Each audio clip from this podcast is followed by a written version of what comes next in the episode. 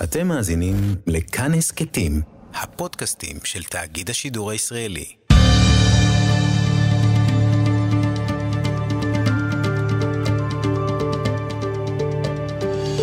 כיוון הרוח עם בני טייטלבוים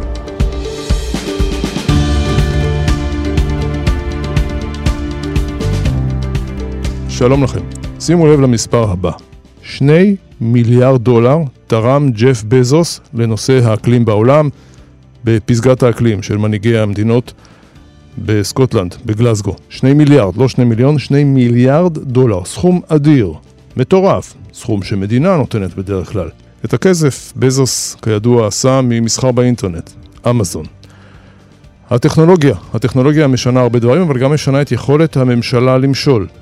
כן, כן, התמונות שאתם מעלים בפייסבוק ממסיבת יום ההולדת האחרונה שלכם או של הילד, הטכנולוגיה הזו לוקחת מהממשלה את היכולת למשול ומעבירה אותו לידי כולם, סוג של ביזור הכוח.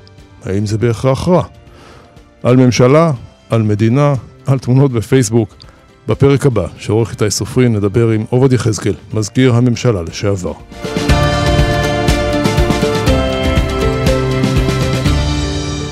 שלום עובד יחזקאל. שלום וברכה. תודה רבה שבאת לאולפנינו.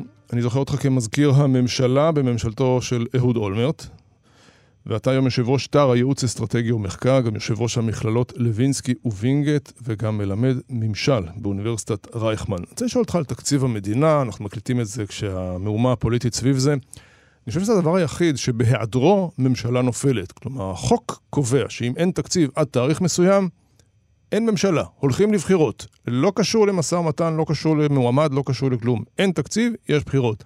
למה? למה? כי ככה צריך. זאת אומרת, תחשוב עכשיו על חברה פרטית. כל העולם כולו, בחודשים נובמבר-דצמבר, מכין את מסגרת התקציב לשנת הפעולה הבאה שלו. באין תקציב, איך תעבוד? הרי תקציב בסוף זה הכלי שבאמצעותו אתה מתרגם את תוכנית העבודה שהיא תוצר של היעדים, המטרות, האידאות שהצגת לעצמך, אז אם אתה חברה פרטית, אתה פועל להגדיל רווחים, ואם אתה מדינה, אתה פועל לטייב את השירות לאזרחים שלך. וללא תקציב לא ניתן לעשות את זה, ולכן טוב עשה המחוקק כאשר אמר לממשלה, עד ה-31 לדצמבר יהיה תקציב. ואם לא יהיה תקציב, אנחנו ניתן לך עוד שלושה חודשים, עד ה-31 למרץ. אבל אם עד ה-31 למרץ אין תקציב, זה אומר שבתפקיד הבסיסי ביותר שלך כרשות מבצעת, אינך מסוגלת לייצר תוצאה, ולכן יוחזר המנדט לעם ותיבחר ממשלה שתוכל לעשות את זה. טוב מאוד שזה ככה. סליחה על ההערה האפיקורסית, אנחנו היינו עדים עכשיו לכמה שנים שלא הייתה הכרעה פוליטית, ארבע מערכות בחירות, תקציב אה, 1 חלקי 12 משנה קודמת. שמע, הבית לא נחרב. לא, הבית לא נחרב, אבל קרו קטסטרופות גדולות מאוד מאוד. למשל? פרויקטים חדשים נדחו, אזורים שלמים לא תוקצבו, דווקא אזורים של מיעוטי יכולת וחסרי יכולת היו תקועים לגמרי עם הרבה מאוד תקציבים. כדי לאשר תקציב היו צריכים לעבור ועדות חריגים בחשכ"ל, בחשב הכללי, מה שגרם לעיכובים גדולים מאוד בהזרמות תקציב. הנזק המצטבר של היעדר תקציב מדינה הוא דרמטי מאוד במונחי שירות. אני כן רוצה לומר פה משהו שייקח אותנו לאיזושהי לקונה שאתה יכול למצוא אה, אה, בחוק הישראלי. לא רק שלא היה תקציב בשלוש שנים האחרונות, אלא בפועל, חלק גדול מהזמן הזה כיהן פה ראש ממשלה שלא נבחר. תזכור שבשלוש מערכות הבחירות הראשונות, עד לממשלת נתניהו-גנץ, בעצם נתניהו המשיך לתפקד כראש ממשלה מבלי שהייתה הכרעה בבחירות, ומבלי שהוא נבחר על ידי העם.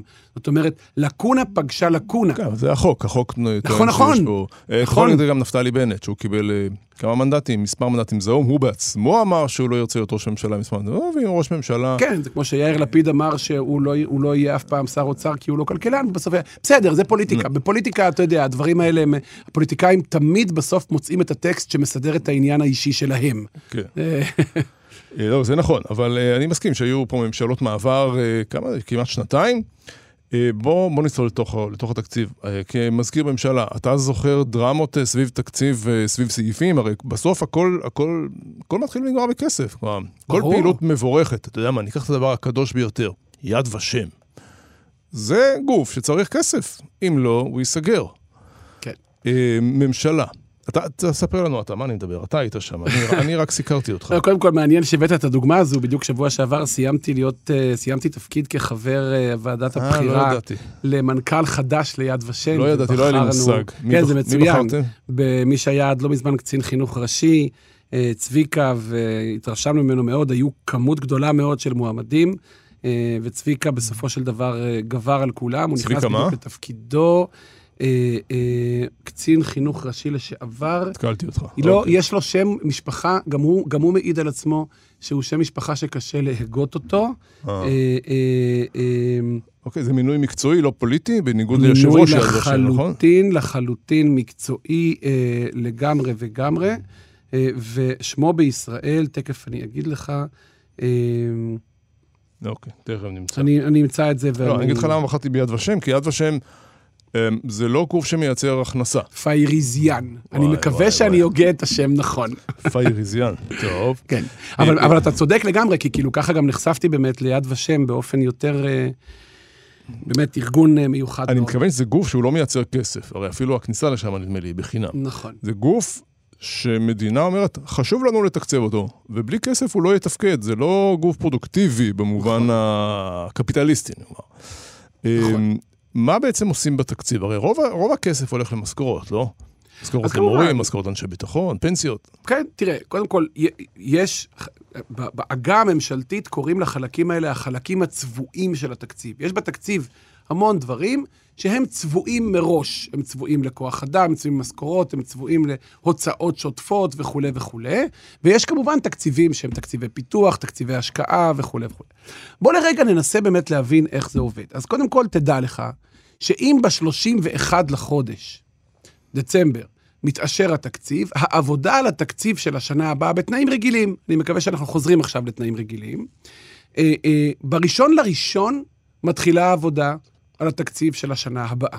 עכשיו, באופן כללי, בואו נחלק את זה לתקופות הבאות. בין ינואר למאי מתנהלים דיונים בתוך משרדי הממשלה ובין משרדי הממשלה לבין האוצר, כדי להגדיר את יעדי התקציב לשנת העבודה הבאה.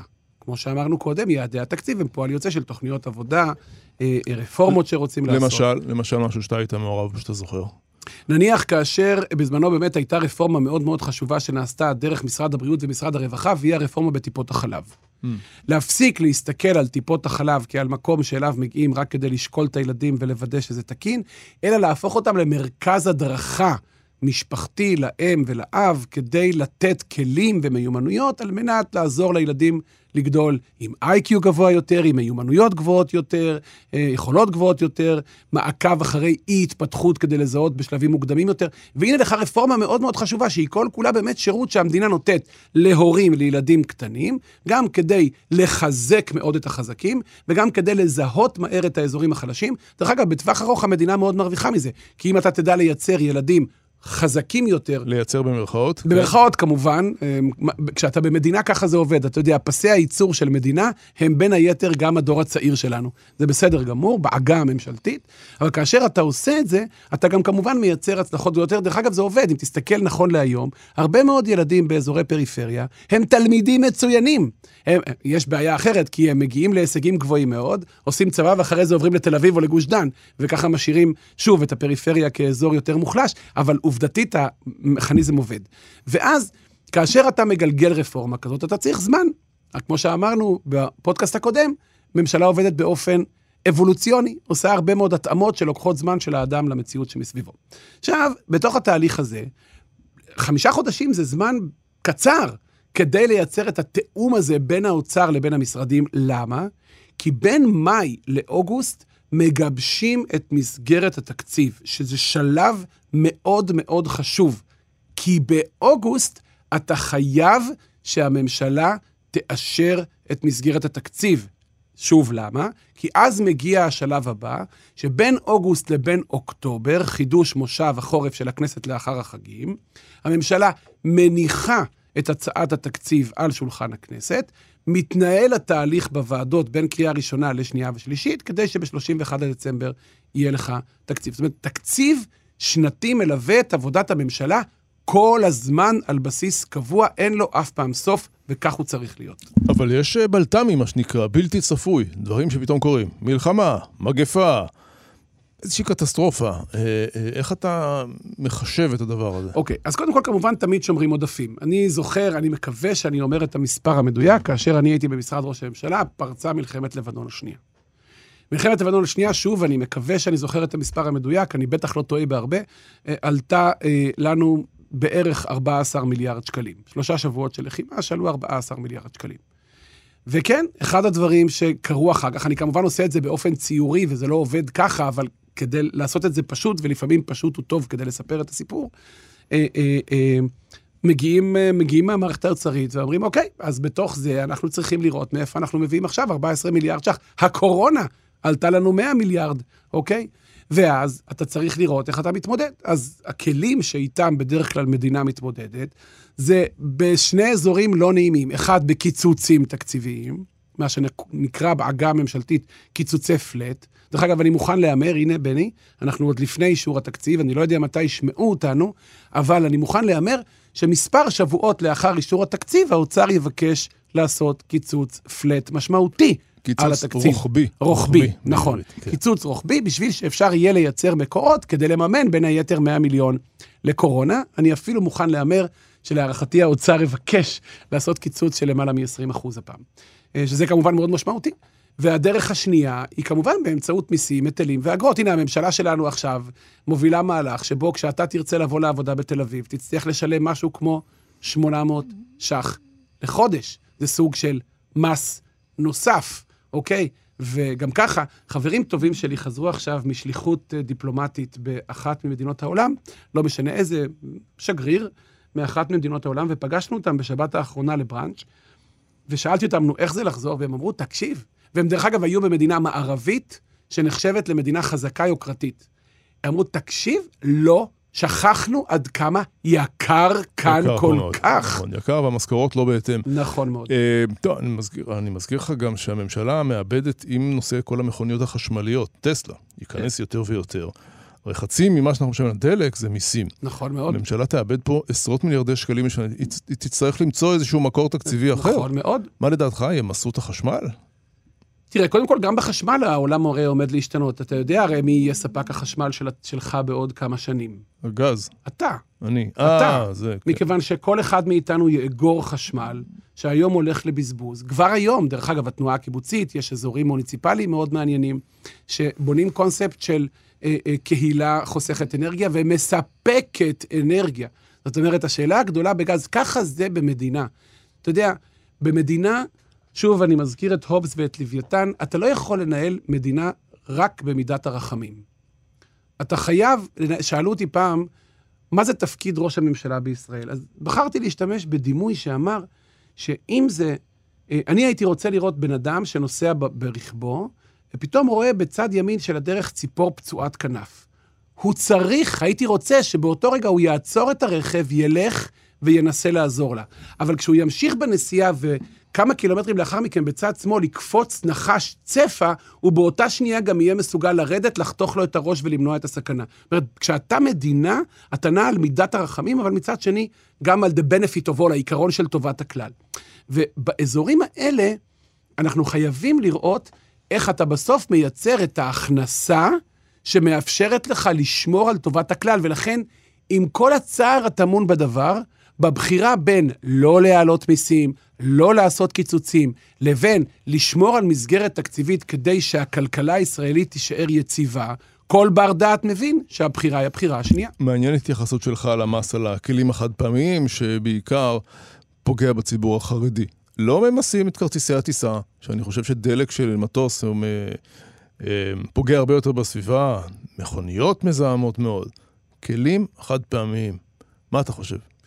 תראה, שוב, זה למצוא את נקודת האיזון. הרי בסוף, ממשלה זה גם אומנות הפשרה. בטח בממשלה כמו בישראל, שבה אנחנו מראש ממשלה קואליציונית, שצריכה למצוא את נקודת האיזון שמאפשרת לממשלה לשרוד. אני יכול להגיד לך שכמזכיר ממשלה, כל פעם שהבאתי הצעת מחליטים לממשלה, היו שני חלקים. אחד, לבנות את הצעת המחליטי, המחליטים המדויקת מבחינת האינטרס הציבורי, אבל שתיים, קדם לזה משא ומתן שבו מפלגות או שותפות קואליציוניות העמידו תנאים שבכלל לא קשורים להחלטה שהיה צריך לתת להם כדי לקבל את ההסכמה שלהם להחלטה. צר לי, זה המצב בישראל. ולכן, אומנות הפשרה היא מאוד מאוד חשובה. פעם שאלו את לוי אשכול, למה אתה מתפשר כל כך? אז התשובה שלו הייתה מדהימה, הוא אמר ש... אני מתפשר, מתפשר, מתפשר, עד שהפשרה שלי מתקבלת. ולכן באמת פוליטיקאי חכם או מנהיג חכם, צריך לראות איך הוא מייצר תחושה של פשרה, לא רק פשרה, אלא גם תחושה של פשרה שבאמת נותנת לכל אחד. כן, אבל פה זה ברור שבגלל שהחרדים לא בממשלה, אז לא, ממשלה לא צריכה, לא פוגעת בבייס הפוליטי שלה. החרדים הם לא בממשלה, אז היה קל לפגוע מצד בהם. אחד, אבל מצד שני, אנחנו לא יכולים לשכוח, בני, את כל השנים שבהם החברה החרדית קיבלה יותר מאשר חלקה היחסי באוכלוסייה. זאת אומרת, אנחנו רואים גם את הצד השני של המטבע, ששוב, גם במקרה הזה אני אומר שבניהול של פשרות ככה צריך לנהוג. יש לא מעט אזורים שבהם החרדים מקבלים הרבה הרבה יותר מאשר חלקם היחסי באוכלוסייה, מבלי למלא את חובותיהם למדינה, כמו אוכלוסיות אחרות. בוא, בוא נזכיר את ה-50 מיליארד שקל שהובטחו לחברה הערבית שלא עושה צבא, שלא משרתת שירות לאומי. אה, אתה יודע, אפשר גם לדבר על זה. אבל גם כאן אתה צריך לשאול את עצמך, איזה מדינה אתה רוצה לחיות בה.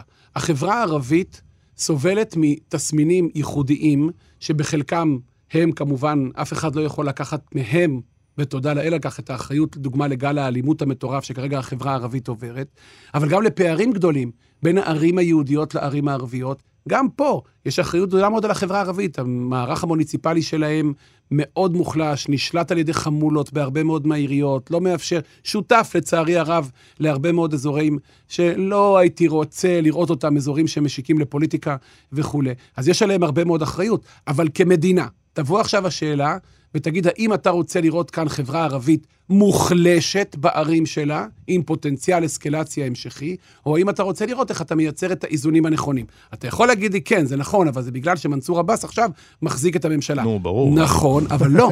זה גם כי מנסור עבאס מחזיק את הממשלה, אבל גם כי נכון לעשות את זה לעתיד המדינה. נכון לראות איך מייצרים תשתיות שמאפשרות לחברה הערבית הישראלית, שמחויבת, לתפיסתי, במחויבות למדינה, ולכן גם את החלק הזה אני הייתי מוסיף למשוואה, אולי זה מה שחסר לי בהחלטת הממשלה, אבל האם אני רוצה לשפר את התשתיות הפיזיות, החינוכיות, הבריאותיות, גם בערים ערביות? התשובה היא כאזרח המדינה היהודי, כן. אה, אין לנו ויכוח על זה. אה, אף אחד לא רוצה לראות אה, ביוב זורם ברחובות נכון. יישובים ערבים בישראל. הוויכוח הוא לא על זה, אלא למשל, האם צריך לחבר לחשמל בית שנבנה בלי היתר, בית שנבנה שלא כחוק, בית לא חוקי. לתפיסתי לא. לתפיסתי לא. אוקיי, זה כמו שלתפיסתי צריך...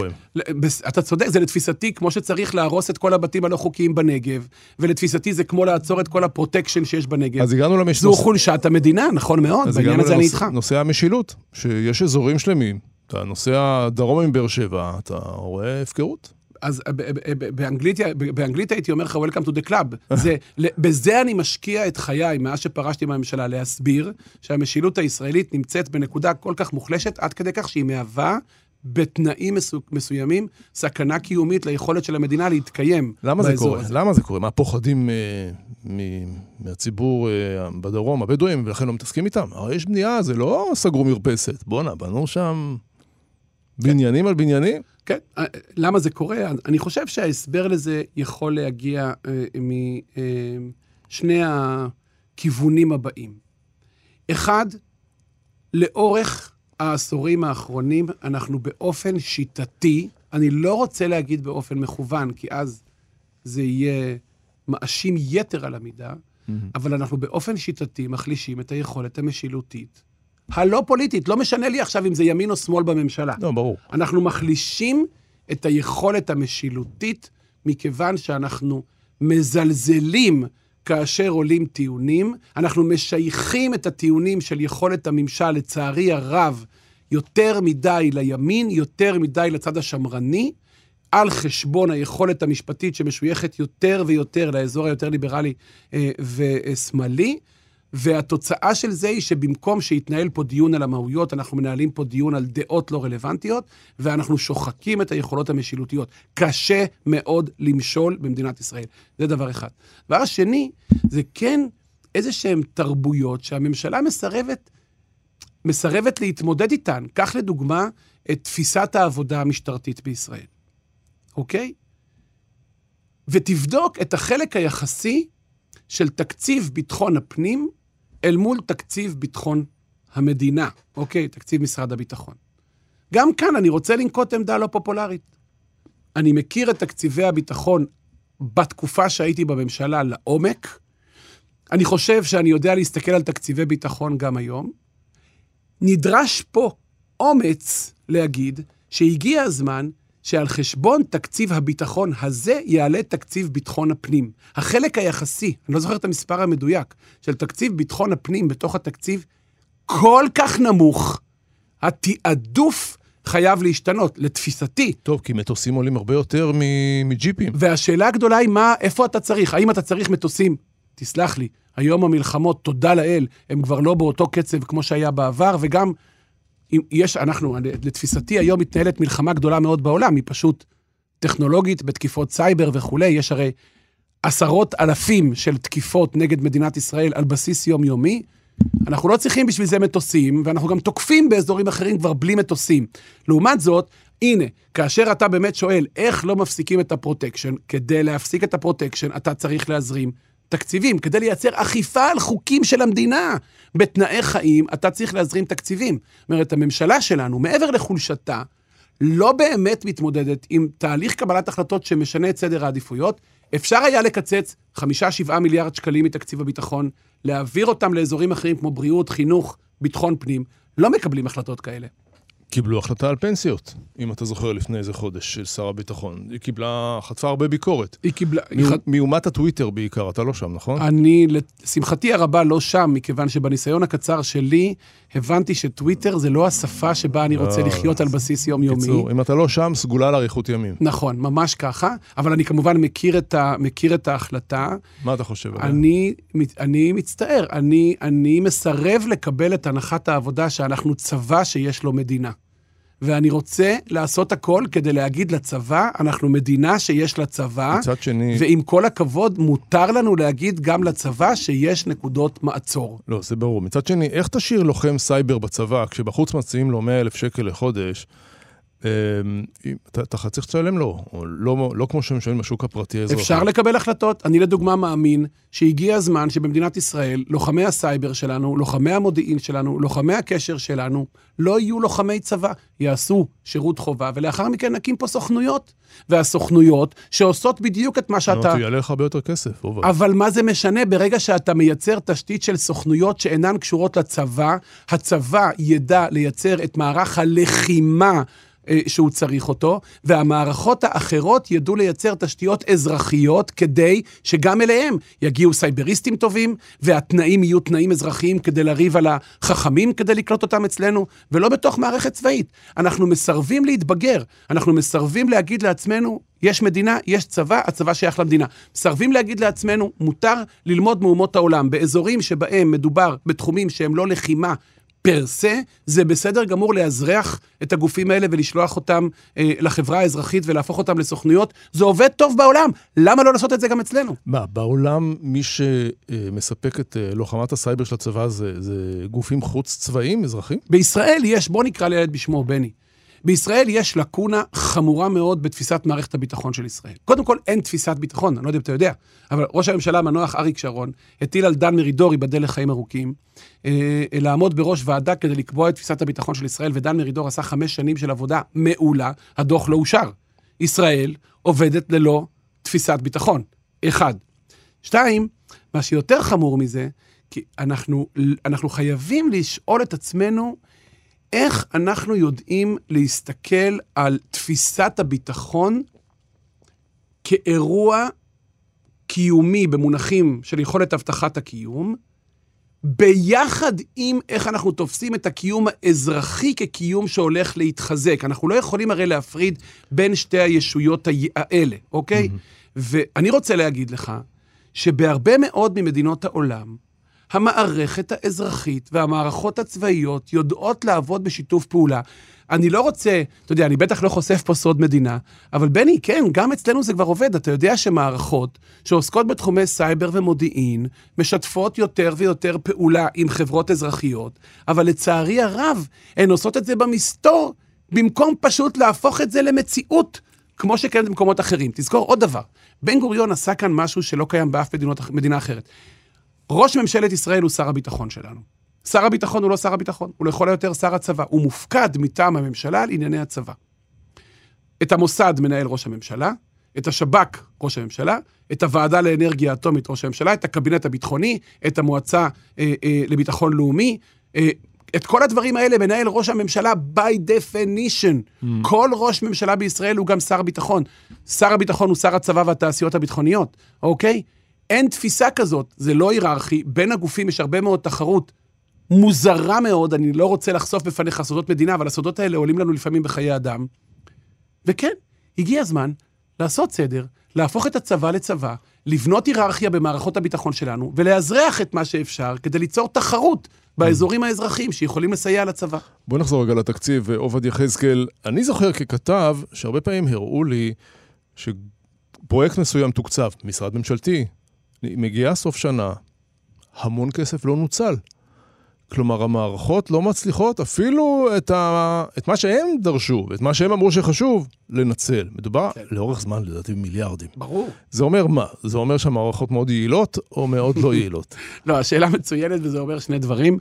ואתה יודע, בני, אנחנו באמירת אמת, אז אני כן אה, אה, אקח את האמת למקום שבו... יש לנו עוד שבע דקות. כן. אז אחד, קודם כל, כן, הרבה מאוד מהמערכות לא יעילות. הרבה מאוד מהמערכות לא יודעות לתרגם את ההחלטה לביצוע. והרבה מאוד מהכספים בסופו של דבר נתקעים, כי לא הצליחו לייעל, לייעל מנגנונים ולקבל את ההחלטות הביצועיות כדי ליישם החלטות שהתקבלו. הזוי, אבל זה המצב. חולשת ממשל כבר אמרנו. Mm-hmm. שתיים, לפקידים שלנו באוצר. נוח שזה המצב. נערי האוצר המפורסמים. שיש להם גם הרבה מאוד דברים מצוינים להגיד לשבחם, ברוך השם, כבר הרבה מאוד שנים הם מצליחים לעמוד במשימה של לשמור על כלכלת ישראל יציבה. בואו לא ניקח את זה מהם. אבל, מצד שני, אני צוחק כי פעם שמעתי את ציטוט של צ'רצ'יל שאומר שאם מישהו אומר לך אבל, כל מה שהוא אמר לפני כן לא חשוב. אז לא אבל, אבל יחד עם זאת, בסדר, בוא נגיד, okay. אוקיי. יחד עם זאת, אחרי שנתנו להם את הציון הטוב, having said that, כן. לא okay. אוקיי. רק שהם מעוניינים בכך, אני אומר לך בידיעה שיש לא מעט סעיפים שמתוקצבים באופן קיצוני, לפעמים אפילו ב-50 ו-70 אחוז יותר ממה שידוע שימומש, כי זאת הדרך של האוצר, לשמור על רזרבות, כמו, אולי, לממן מלחמה שעולה 14 מיליארד ש"ח. אה, זה ערמומי. אבל מה לעשות, זאת המציאות. מה, ברמה של מיליארדים? כלומר, בוא נתקצב... ברמה של מיליארדים. אז מה, אנחנו עובדים על עצמנו? תגיד, נשמע בדיחה. בואו נממן את זה ביותר, ישתמשו בפחות, כדי שאם יקרה משהו... טוב. אפשר להגיד שזה לעבוד על עצמנו, Mm-hmm. ואפשר להגיד שבתנאים של מדינה כמו המדינה המיוחדת שלנו, עם כל המוזרויות והשיגעונות שלה, זה דווקא מעשה חכם. אוקיי, okay, אני רוצה להספיק איתך עוד כמה דברים. ראשית, בוא נסכם את הקורונה, אמנם אתה לא בתוך המערכת, אבל בסוף מדינת ישראל כמדינה, אמרת 100 מיליארד שקל זה עלה. תפקדה טוב, בוא נעזוב רגע את הבוכלטריה הפוליטית. נכון, נכון, אני מסכים איתך. אמ, אמ, נתנו פה כסף גם לעסקים, נתנו פה כסף גם לאנשים שניזוקו מאוד. אתה חושב שלטווח ארוך אנחנו, נכדינו עוד ישלמו את זה? או שמצבה הכלכלי, מצבה המקרו של המדינה הוא, לא יודע, העודפים של הביטוח הלאומי? מה אתה חושב? קודם כל, אתה יודע, אה, אה, אתה יודע למי ניתנה הנבואה. בטח בנושאים כלכליים, אתה יודע, מספיק אה, זעזוע בשווקי העולם, מספיקה תנועה פתאום שתכניס את העולם למציאות לא ברורה, אז אני חושב שקודם כל אנחנו צריכים לזכור שאנחנו מדברים בתסריטים בטוחים. בתסריטים, התסריט הבטוח הוא באחוזים מאוד מאוד נמוכים, כי אף אחד לא יודע לאן העולם הולך. ראינו מה קרה ב-2008. אה, אני לא חושב, אני חושב שלא נכון להתייחס לשאלה אם ילדינו ישלמו את המחיר הזה גם בעוד הרבה מאוד שנים. לא. מכיוון שכבר בתקציב הנוכחי וכבר בתקציב הבא, אנחנו מטמיעים את התשלומים האלה. אנחנו מקצצים באזורים מסוימים, אנחנו מגדילים באזורים אחרים, אנחנו מכניסים רפורמות. זו, מדינה זה כל הזמן תנועה קבועה, ולכן לא הייתי בוחן את זה במונחים האלה, הייתי אומר לעצמי שאני יחסית רגוע. תודה לאל, אנחנו, יותר ממה שאתה אמרת, אנחנו המדינה הראשונה בעולם שמתחסנת, אוקיי?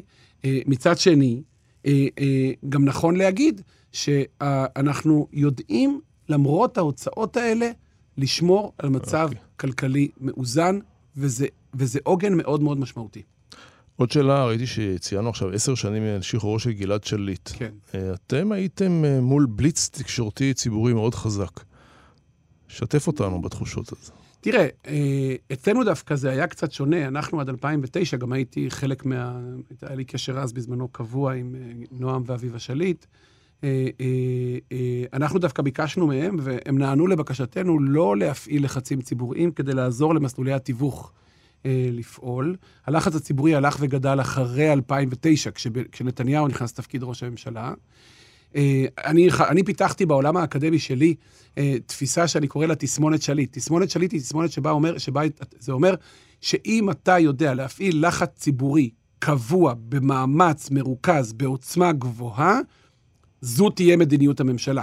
זאת אומרת, מה שהשפיע בסוף על, על החזרתו של גלעד שליט הביתה, אה, זה הלחץ הציבורי. זאת החלטה אה, אני יודע שאולי משפחת שליט שומעת אותי עכשיו, אני גם מאחל לה הרבה מאוד בריאות ואיחולי מזל טוב לגלעד שיתחתן ושיקים בית אה, יהודי שמח וטוב. לו אני בתפקיד, אני לא מאשר את העסקה. העסקה הזאת היא עסקה שגבתה כבר מחיר חיי אדם, זאת עסקה שאסור היה לאשר אותה, היא אושרה בגלל הלחץ הציבורי. זו דעתי. כלומר, אתה משאיר אותו בשבי חמאס, מחשש שאנחנו יודעים שהוא מתממש, שהמשוחררים ירצחו יותר. לו אני מקבל ההחלטות, אני משאיר אותו בשבי חמאס ולא מאשר את העסקה. מצטער, אמרתי קודם, מנהיגות מדינתית זה לא רק מידת חמלה, זה גם טובת הכלל. וואו. עובד יחזקאל, מזכיר הממשלה לשעבר, תודה רבה שבאת לאולפנינו. תודה, שמחתי להיות פה. ועד כאן דברנו, תודה לעורך איתי סופרין, אני בני טייטלבוים. אפשר להאזין לנו גם באתר כאן, ביישומון כאן, בכל יישומוני ההסכתים. בדף הפייסבוק כאן הסכתים. תודה ושלום. כיוון הרוח